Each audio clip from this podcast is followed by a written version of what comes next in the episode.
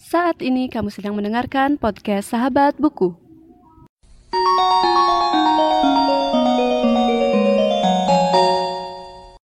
Sebelum mendengarkan episode kali ini, jangan lupa follow podcast Sahabat Buku di Instagram di @podcastsahabatbuku. Selamat mendengarkan.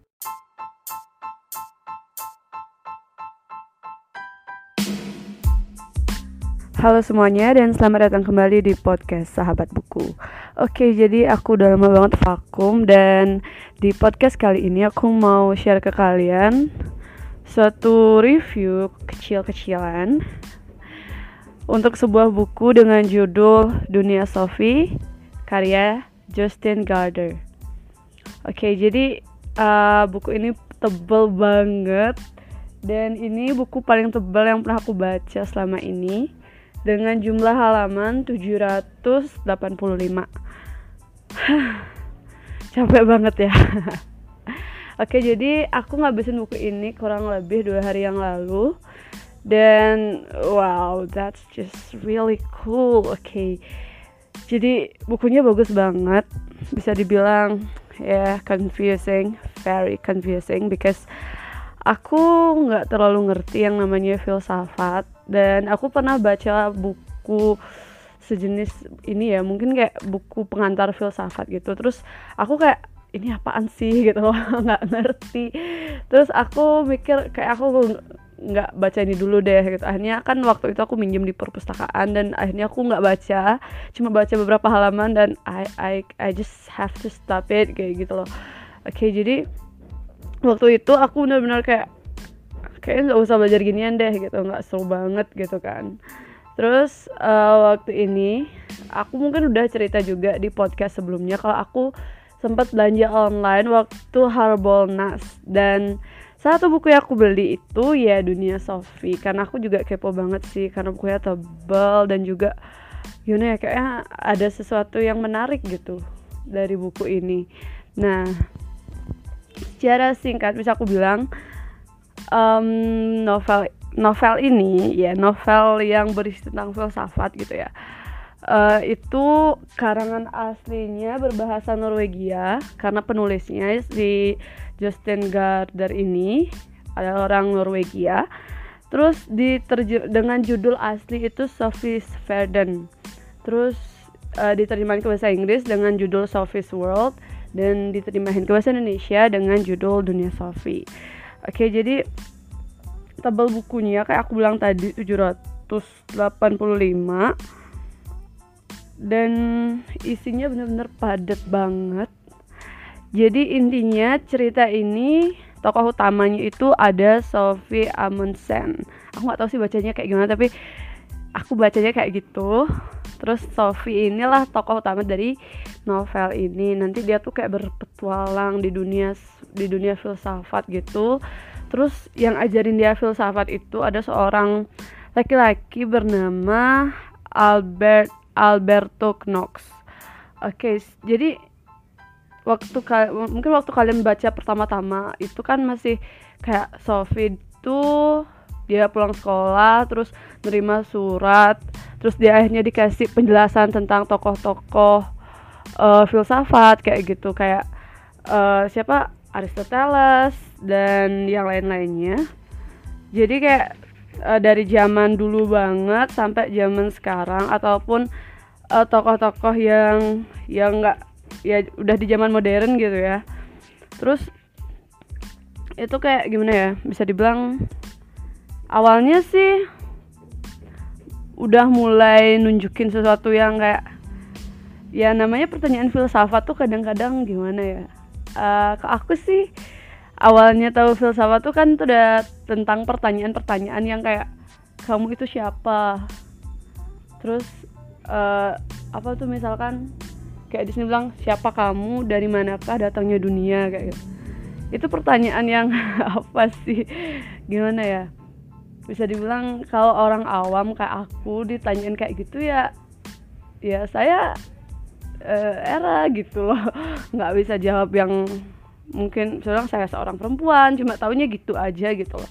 Tapi kalau udah udah ke tingkat yang mungkin kalian udah pernah baca buku filsafat tuh udah beda lah jawabannya gitu loh. Nah, jadi ada beberapa bab di sini dan ini kayak ber beruntutan gitu sih. Jadi uh, bukunya beruntutan gitu dari zaman yang paling awal yang dikenal manusia sampai di um, zaman modern kayak gitu. Terus um, ini diawali bukan dari sejarah langsung sih, tapi kayak ya you know mind blowing question kayak gitu kan. Jadi ada di bab pertama dan kedua terutama yaitu di Taman Firdaus dan juga Topi Pesulap. Itu penjelasannya bener-bener kayak mind blowing banget menurut aku. Oke okay guys, so so sorry tadi ada interrupts, ada yang interrupt dikit dan aku lanjutin. Jadi mungkin dengan pertanyaan-pertanyaan kayak gitu kalian mungkin bingung gitu loh. Maksudnya apaan sih gitu loh pertanyaan yang um, agak mungkin buat kita berpikir gitu. Tapi that's philosophy gitu loh itulah yang namanya filsafat gitu. Filsafat itu cara berpikir. Apa sih? Kalau dibilang mendefinisikan tuh aku nggak bisa sih. Cuma kayak kalau udah baca buku-buku yang sejenis ini tuh kayak your vision will be different gitu loh. Kayak uh, apa yang kamu pikirkan tentang dunia tuh mungkin kamu bakal memikirkan dunia dengan cara pandang yang berbeda gitu. Dari sebelumnya cuma tahu A B C D gitu. Terus sekarang nambah lagi jadi A B C D E F. Who knows kita bakal nyampe di Z. Dan mungkin bakal ketemu jalan dari Z ke A lagi kayak gitu. And that's just like um, keren banget sih. Karena berbeda gitu loh. Kayak um, not very ordinary gitu. Mungkin buat aku yang memang kurang terlalu mengerti gitu setelah aku baca buku kayak gitu tuh langsung kayak terbuka gitu nggak sih? Ternyata dunia tuh seperti ini gitu. maksudnya we can lead our curiosity through something simple like simple question gitu loh. Kita bisa mikir berat gara-gara pertanyaan yang simple dan sederhana gitu itu sih yang aku dapat sebenarnya. Poin dari aku membaca buku ini tuh adalah aku mendapatkan sesuatu yang bisa dibilang simple question can lead you into a very critical thinking. Something like that lah. Pokoknya intinya pertanyaan-pertanyaan sederhana ini bisa buat kamu berpikir ribuan kali gitu. Kayak muter-muter otak gitu ya. Tapi seru banget bener dah. Terus ada satu quotes dari Goethe aku gak tahu bacanya gimana maksudnya kayak Goethe Goethe ah intinya itu Oke, jadi quotesnya itu adalah orang yang tidak dapat mengambil pelajaran dari masa 3000 tahun hidup tanpa memanfaatkan akalnya. So that's just like wah, 3000 tahun loh guys. Jadi ya buku ini memang tentang itu gitu. Dari zaman yang dulu-dulu banget sampai zaman modern sekarang itu diceritain and ya itu kayak kita mengalir dalam sejarah gitu sih. Dan serunya itu udah dimulai ending.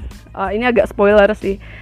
Uh, di ending cerita itu kan nanti sebenarnya tokoh Sophie dan juga Alberto ini kan dibuat dari pemikiran seorang um, mayor bernama Albert Knack yang punya anak yang namanya Hilda Moller Hilda Moller Knack jadi itu sebenarnya mereka tuh imajinasinya si Albert. Terus nanti si Sophie dan juga Alberto ini bakal escape dari apa melarikan diri dari dari kayak kendalinya si Albert. And it's just like wow. Endingnya sih nggak nyangka banget bakal kayak gitu. Dan kayak diajak muter-muter sih sebenarnya. Bukan cuma sekedar jadi kayak bukan cuma sekedar you know uh, explanation about a lot of things. Jadi nggak cuma penjelasan tentang sejarah bla bla bla gitu loh.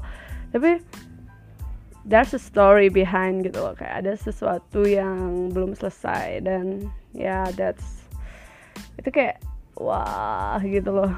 Saya aku waktu baca itu waktu baca dari jam 9 pagi kayaknya sampai di sampai di jam uh, 10 malam atau jam 11 malam. Jadinya waktu waktu aku selesaiin itu udah sepet banget matanya.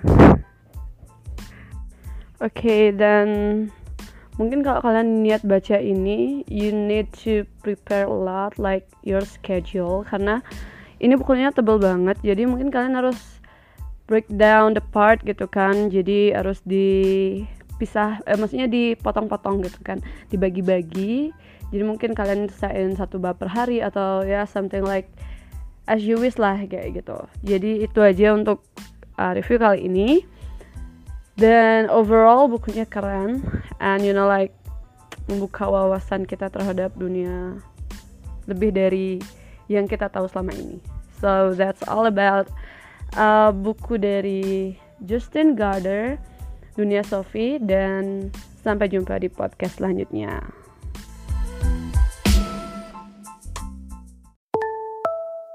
Terima kasih sudah mendengarkan podcast Sahabat Buku. Bagi pengguna Spotify, jangan lupa follow.